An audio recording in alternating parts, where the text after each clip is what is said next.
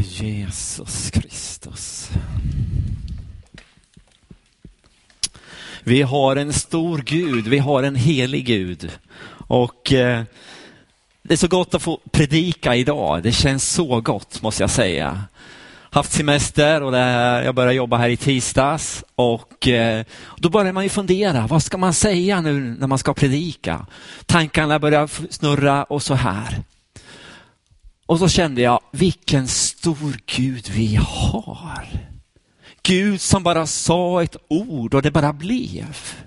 Han som eh, bara sa ett ord och vattnet, stormen bara la sig. Eller eh, Jesus när han ropar ut Lazarus från graven. Han var ju död Lazarus. Kom ut, säger Jesus. Och Lazarus kommer ut. Eller när de skickar ner den lame mannen från taket. Precis mitt för, för Jesus, framför Jesus. Och Jesus säger, dina synder är förlåtna. Ta din bädd och gå. Eller de spetälska som Jesus helade. Man skulle kunna fortsätta här, sak efter sak och bara känna, det är den här guden vi tror på. Det är den här guden som, som, som vi tillber och ärar, som bryr sig om dig, som ser dig i din situation. Kom ihåg det, var du än är så ser han dig. Jag har satt som rubrik på det jag ska säga idag, med vems ögon ser du på dig själv? Med vems ögon ser du på dig själv? Ja, jag ska stanna vid, vid eh, Gideon här idag. Och eh, spännande berättelse tycker jag. Det finns jättemycket och, och, som talar till oss här idag. Både till mig och till oss alla. Den här Gideon, vem, vem var han egentligen? Ja, det står om honom i Gamla testamentet, i Domarboken. Och eh, han levde någonstans där mellan 12 och 1100 år före Kristus. Och eh, Israel hade ingen kung. Men de hade ledare och de, de kallades domare och därför heter den där boken Domarboken.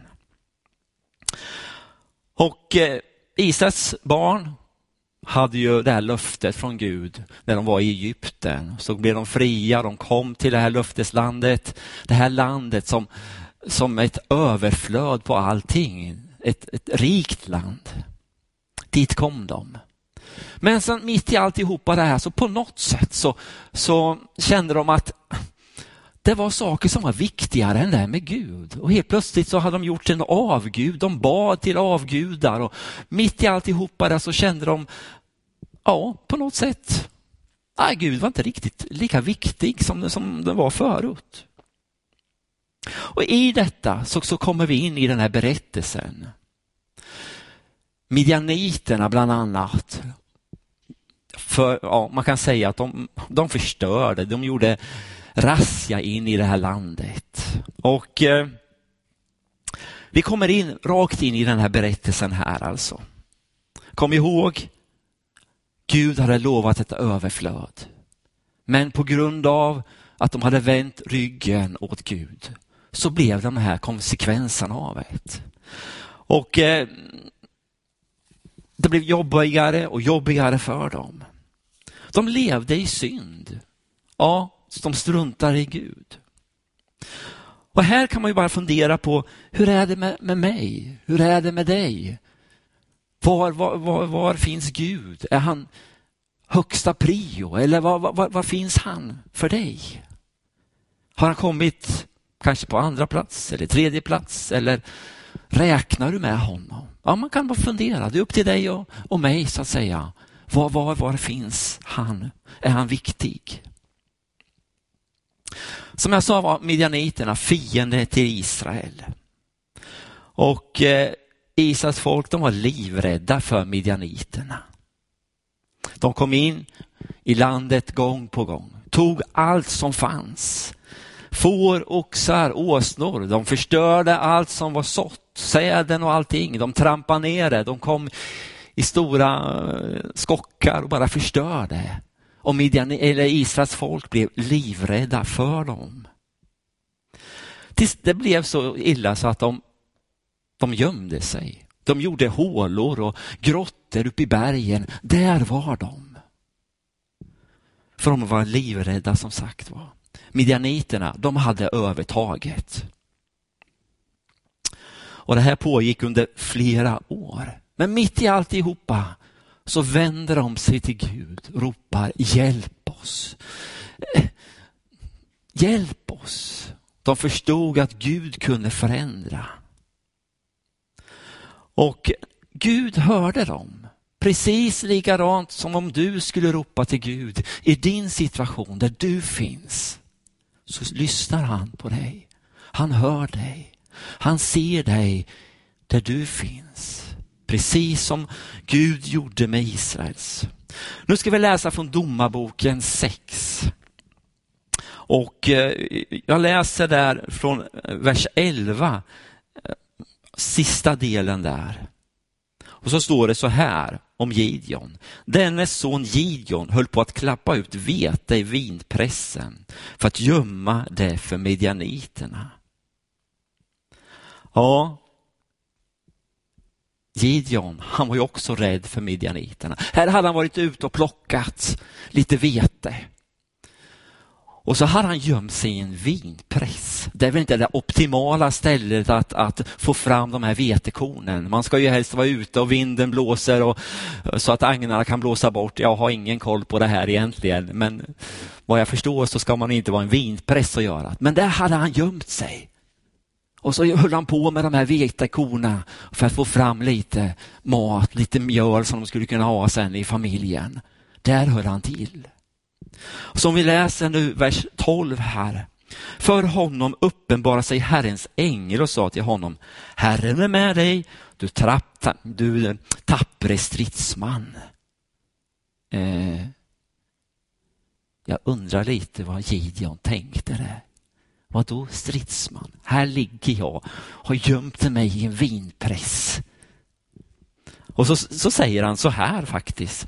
Gideon svarade honom, O min herre, om Herren med oss, varför har då allt detta drabbat oss?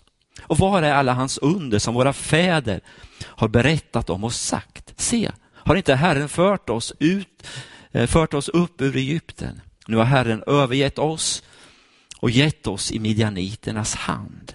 Gideon hade, hade koll på det här. Vi hade ju struntat i Gud och så har det här drabbat oss. Så det här förstod han och han hade hört talas säkert om alla under som, som Israels folk hade varit med om bakåt i tiden. Men här och nu, Gud har ju övergett oss. Det var det hans svar han, han gav till, till Herrens ängel här. Men eh, om vi läser vidare så står det så här i vers 14. Då vände Herren sig till honom och sa, gå i denna din kraft och fräls Israel ur midjaniternas våld. Se, jag har sänt dig. Han svarar honom, O Herre, hur ska jag kunna rädda Israel? Min ett är den mest obetydliga i Manasse och jag är den yngste i min fars hus. Herren sa till honom, jag är med dig och du ska slå midjaniterna som en enda man. Man kan ju bara fundera på vad, hur tänkte Gideon här? Stridsman, nej det är jag inte. Så skulle jag, jag, skulle jag föra, för driva bort midjaniterna? Det går ju inte, det fattar du väl? Ja, här, här, här, här vänds allt upp och ner för, för Gideon kan man verkligen säga men det är ju ett skämt. Han kanske tänkte det inombords. Ja, men, han kanske skrattade inombords. Ja, men det här, nej, nej, nej, nej, nej. Och så kommer det där svaret som många av oss skulle säga. Nej, nej, inte jag, skicka någon annan istället. Precis gjorde Mose likadant. Han skick, ta någon annan istället. Ta inte mig. För han säger ju så här som jag läste. O Herre, hur ska jag kunna rädda Israel? Min ett är ju den oansenligaste i Manasse och jag själv den ringaste i min fars hus. Gideon hade hört det här många gånger. Det har påverkat honom, att hans stam var ingenting egentligen obetydlig. Och han i sin familj, han var värdelös, han var ingenting. Och det här hade han säkert hört, inte bara en gång, utan kanske flera gånger. Och det här hade satt sig i Gideon att, men jag är ingenting, jag är en loser, jag är en förlorare. Jag, kom inte till mig och säg att jag ska driva bort midjaniterna. Det, det går inte, det fattar du väl Gud? Men Gud lyssnar inte på det här. Hur ser du på dig själv? Hur tänker du? Du och jag påverkas hela tiden av olika saker. Det där orden som har sagt att skynda dig nu, kom igen, du kan bättre. De där betygen, ja men lite bättre kan du pressa dig. Ja, men, någon kanske sagt, ja men vilken näsa du har. Eller vad det än är. Och allt detta så påverkas vi av. Vi påverkas ju också av faktiskt det som inte sägs. Är det någon som ser att jag har en fin t-shirt på mig? Jag har köpt den idag. Nej, det var ingen som kommenterade den. Tänk, den kanske var ful. Eller nya glas. Ingen såg mina nya glasögon. Och allt detta gör att vi tolkar in saker. Vi, vi läser mellan rader som, som vi egentligen inte ska göra på ett sätt. För då blir det tokigt. Hela tiden så påverkas vi. Och vi bombarderas av budskapet att ja, men lite snyggare kan du bli. Starkare, smartare, mera framgång kan du få. Och hela tiden så påverkas vi av detta. Har man hört det många gånger, till slut så, så blir man lättmät. Ja, men det där med matte, det klarar inte du av. Och till slut så fort det är matte, nej men det här kan inte jag. Man försöker inte ens en gång, för jag har bestämt mig här inom, inom mig på något sätt att det här kan inte jag. Gideon, han var likadan. Han var en människa precis som du och jag, som påverkas av det här vad människor säger eller inte säger eller det samhället tycker att vi borde göra, vara. Oavsett vad människor tycker, säger eller vad jag tycker om mig själv så är det här det viktigaste. Lyssna, det här är jätteviktigt. Lyssna på det. Gud tror på dig. Han tror på dig. Han älskar dig. Jag är älskad för den jag är. Och det är du också. Du är älskad för att du är du. Kom ihåg det. Gideon hade hört talas om det här. Hans stam var värdelös. Gideon i familjen, han, ah, han var en loser så att säga. Men eh, i detta samtalet som vi har läst om så står det faktiskt i vers 16 som jag läste. Herren sa till honom, jag är med dig. Och eh, där någonstans så, så det Gideon tro på Herren. Någonstans så växte det här en, en tro från att ja, jag kanske inte är så dålig, utan jag kanske, kanske kan gå iväg och göra det här. Och om man nu läser vidare i domarboken så ser vi att Gideon gick iväg. Med Guds hjälp så vann han en enorm seger över medianiterna. Gud trodde på honom. Och Gideon, han blev en ledare för Israels folk i 40 år. Vem kunde tro det när han låg i vintpressen och försökte få fram lite vetekorn? Vi är Guds barn och eh, vi är något. I hans ögon är vi värdefulla, vi är unika. Och jag vet inte vart du står idag. Är du Guds barn? Har du, tagit, har du sagt ja till Jesus att följa honom? Eller om inte så, så kan du göra det idag. Där du sitter, där du finns just nu så kan du faktiskt säga Jesus, jag vill också, jag vill också följa dig. Jag vet inte om jag tror, jag kanske tror, men hjälp mig att hitta dig. Och han finns där. Han lyssnar på dig. Han finns där. Hur gör man då? Ja, det egentligen är det väldigt enkelt. Jesus, här finns, här är jag. Jag vill tro på dig. Förlåt mig min synd. Vi ska inte gömma oss som, som Gideon gjorde, utan vi ska räta på oss istället. Rät på dig. Vi möter så mycket negativa saker, som jag sa förut. Räta på dig. Du är något speciellt. Det som ingen människa kanske ser, men Gud ser. För Gud har lagt ner det här i dig. Så därför ska du räta på dig. Herren är med dig, du tappre stridsman eller tappre stridskvinna, skulle jag vilja säga. Gud, eller Gideon tillsammans med Gud vann en seger. Och eh, det såg ju helt omöjligt ut, men för Gud så var det inte omöjligt, för det var möjligt att det här skulle ske. Att de skulle bli fria från midjaniterna. I din situation där, där du är så gäller det för dig också. Jag, ja, men jag kan ju ingenting. Jag, jag, jag, är ju ingenting. Jag är för gammal, jag är för ung, jag, jag är för medelåldrig eller vad jag nu är för någonting. Hela tiden har vi någonting som säger, men, nej, ta någon annan, inte jag. Nej, men Gud räknar med dig. Det står faktiskt i, i, i Hebreerbrevet om, om Gideon också. Jag vill bara ta med det. Det står i kapitel 11 där. Trons kapitel. Och det står om alla hjältar som, som finns utifrån gamla testamentet. Och det nämns Gideon som en hjälte. Det var ingen som kunde tro det när han satt i vinpressen. Men Gud var med honom. Och eh, det är likadant med oss. Allt förmår vi honom som ger oss kraft, står det på ställe i Bibeln. Han är med dig, han är med oss.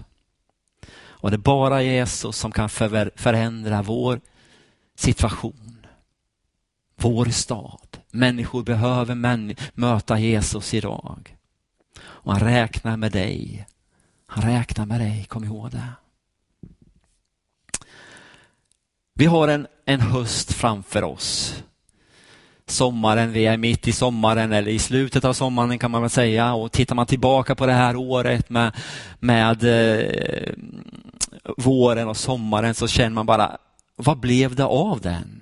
Och jag bara vill säga det, men vi lägger den bakom oss nu. Vi kan analysera och vi kan göra si och så, men vi lägger den bakom oss och så ser vi framåt. Och jag är helt övertygad om att Gud vill göra mycket genom församlingen, genom dig, där du finns. Han vill möta dig som kanske inte är frälst idag. Och det finns många människor som har det jobbigt, som har det svårt. Jag tror att vi kommer se mycket spännande saker under den här hösten. Vi vet inte vad som händer. Det skulle vara gott att få träffas här i kyrkan igen, men vi får se. Men vad jag vet är att Gud sitter inte med armarna i kors och väntar på att den här epidemin ska sluta, utan han är verksam och han vill möta och han möter människor just idag. Om man nu skulle sammanfatta lite kort här så, så, så Gideon, han var en krigare. Men det såg han inte själv. Det var nog ingen som såg det i början. Människor hade sagt saker om honom. Du är en loser, du är en förlorare. Kom inte och säg att du är någonting. Men eh, Gud såg honom. Och i samtalet tillsammans med Gud där så fick han tro och så fick han vara med och göra den här stora segern tillsammans med Gud. Gideon, han gick iväg. Han sträckte på sig. Han var säkert livrädd, men han sträckte på sig och gick tillsammans med Gud. Och så fick han vara med om det här. Sträck på dig. Du har hört så många saker som har påverkat dig så negativt. Som har tryckt ner dig, som har format dig till den du är. Men Gud ser något annat i dig. Jag vet det är lätt att säga att du ska sträcka på dig. Jag vet att det är lätt att säga, men att göra det är inte så enkelt. Men vi har en Gud som vill hjälpa dig. Precis som han hjälpte Gideon i vinpressen så vill han faktiskt hjälpa dig och lyfta dig från din vinpress ut i frihet. Där du får blomma utifrån vad Gud har kallat dig till. Där, där Gud har sagt, det här är din uppgift. Jag vill leda dig, jag vill vara med dig. Kom ihåg det här. Med vems ögon ser du på dig själv? Det ska vara Guds ögon. Gud ser på dig på ett speciellt sätt. Jag ser på mig på ett kanske negativt sätt och trycker ner mig själv och jag kan ingenting. Andra människor kanske ser på dig och har tryckt ner dig. Nej, det, dig Gud ser om, om dig, det är det som är det viktiga. Och han vill vara med dig och hjälpa dig. Och han vill möta dig precis där du finns. Som jag sa förut, du kanske inte har tagit emot Jesus än. Han står där med en öppen famn. Han är den där pappan, en positiv pappa. Vi har olika bilder av kanske en pappa, men den här pappan är positiv. Han älskar dig. Han står där med en öppen famn och bara väntar på att du ska säga, jag vill tro på dig. Så sker mötet. Jesus, förlåt mig.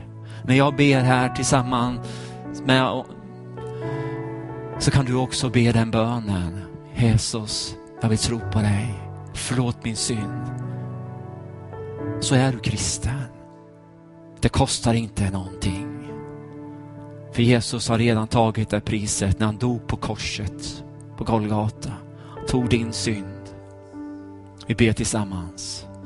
Jesus, jag tackar dig för att du är en stor Gud. Du är en levande Gud. Du ser varje människa. Du såg Gideon i hans situation. Du ser var och en just nu som lyssnar, tar del av den här gudstjänsten. Tack att du är där. Tack att du möter. Du befriar. Helige Ande, jag ber, kom du och gör ditt verk. Och du ser också de som, som säger Jesus, jag vill börja tro på dig. Tack att du finns där också för dem. Jag tackar dig Jesus. Du är undrens Gud. Vi bara får prisa och ära dig för det. I Jesu namn. Amen.